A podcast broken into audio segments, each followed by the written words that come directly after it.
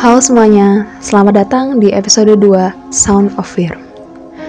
Pada episode 2 kali ini, saya akan bercerita mengenai pengalaman pribadi saya dan ayah saya.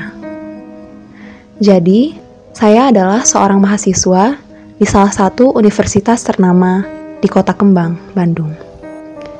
Karena saya sendiri adalah anak rantau, maka orang tua saya sering datang ke kosan saya, mengunjungi saya di tahun pertama kuliah. Kali itu, ayah saya datang mengunjungi saya.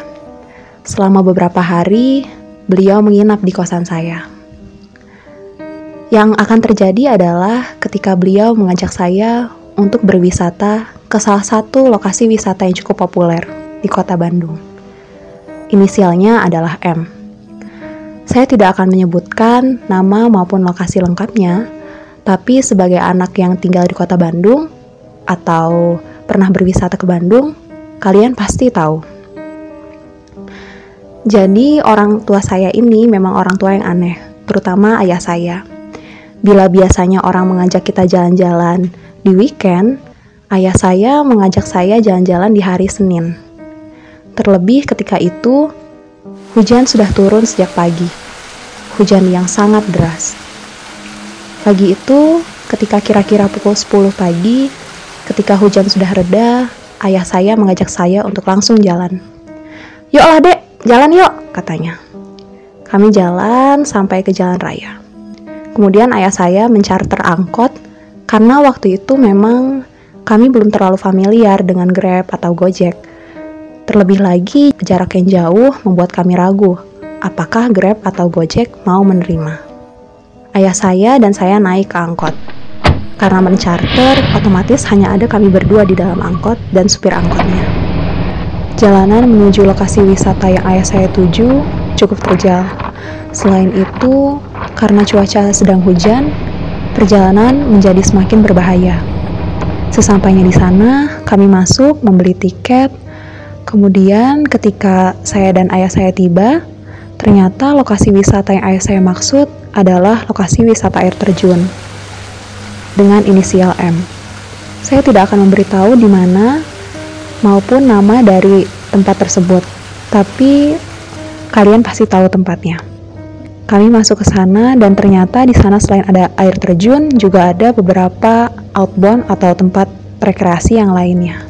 Karena hari itu hujan, sebenarnya hanya gerimis, tapi pihak dari lokasi wisata tersebut sangat membatasi outbound mana saja yang bisa dimainkan.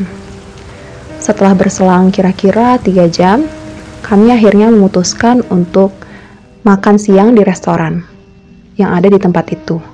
Karena saya sendiri tukang lapar, jadi ayah saya memperbolehkan saya untuk memesan apa pun yang saya mau saat itu.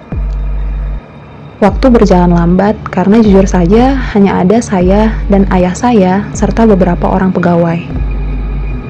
Restoran tersebut sangat sepi. Dari jendela restorannya, kami bisa menyaksikan air terjun kecil yang ada di tempat itu. Tiba-tiba, karena mungkin minum terlalu banyak, saya ingin sekali ke toilet. Sebenarnya saya tidak enak karena Waktu itu tempat ini sepi sekali dan saya yakin mungkin tidak ada orang lain di tempat ini selain ayah saya dan saya. Saya sempat berpikir untuk meminta ayah saya menemani saya ke bawah. Tapi karena saya sudah cukup dewasa dan ayah saya laki-laki, saya jadi malu. Akhirnya saya ke bawah sendirian. Saya masuk ke toilet dan setelah uh, selesai, saya keluar. Ketika saya keluar, saya melihat seorang wanita berambut panjang, memakai baju putih panjang, berdiri di depan cermin. Jujur waktu itu saya tidak ada perasaan apa pun. Maksud saya, saya malah bersyukur. Oh, akhirnya ada orang lain di sini, pikir saya. Saya lalu jalan ke depan cermin, mencuci tangan dan kemudian mengeluarkan lipstick pemberian ayah saya. Sebenarnya saya sangat jarang memakai lipstick, tapi entah kenapa saya ingin sekali memakai lipstick itu. Pada tahap ini, saya belum melihat ke arah wajah perempuan itu. Yang saya ingat hanya tangannya yang pucat. Tapi jujur saya tidak terpikir apa pun ketika itu. Jadi ketika saya memakai lipstick, dari sudut mata saya, saya melihat bahwa wanita itu terus menatap ke arah saya. Sebagai orang yang diajari sopan santun, saya tidak berani untuk menoleh balik karena takut ia merasa tidak nyaman. Padahal kalau dipikir lagi, saya juga merasa tidak nyaman kan dilihatin seperti itu. Nah, setelah mengumpulkan keberanian dan rasa curiga yang mulai membesar, saya memberanikan diri untuk melihat dari kaca. Dan ketika itu saya benar-benar gemetaran memegang lipstick saya. Karena yang saya lihat adalah wanita yang tampangnya sangat pucat dan saya hampir tidak bisa mendeskripsikan bagaimana wajahnya karena saya diliputi rasa takut yang besar sekali. Saya belum pernah setakut itu. Wanita itu tiba-tiba menggerakkan kepalanya dan menoleh ke cermin. Saat itu juga mata kami bertemu. Dan tiba-tiba ia menggerakkan tangannya ke arah bibirnya.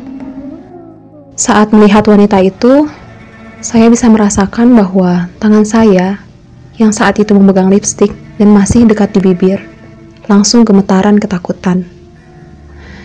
Wanita itu menggerakkan tangannya Persis ketika saya mengenakan lipstick. Ke kanan, ke kiri, sesuai alur bibirnya. Ia juga mengecap-ngecapkan bibirnya dan tersenyum ke arah cermin. Saya hanya bisa diam. Dalam kepala saya, saya masih berusaha mencerna. Sebenarnya, dia ini hantu atau manusia? Kalau hantu, tapi kok gerak-geriknya bisa menirukan saya?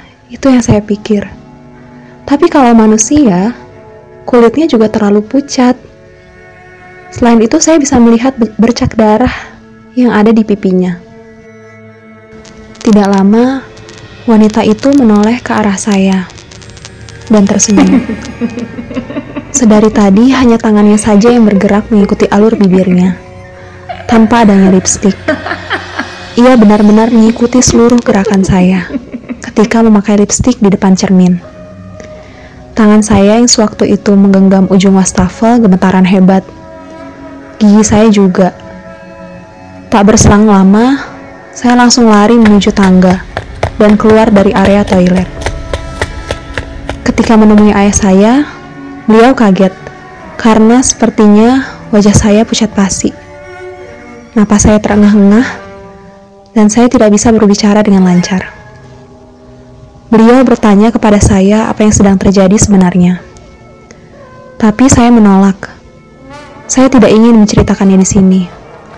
Takut kalau wanita itu masih ada, atau mungkin sebenarnya wanita itu bukan hantu, tapi manusia. Sepanjang jalan, pikiran saya kalang kabut. Saya tidak bisa berpikir dengan jernih Seluruh kejadian tadi terjadi begitu cepat.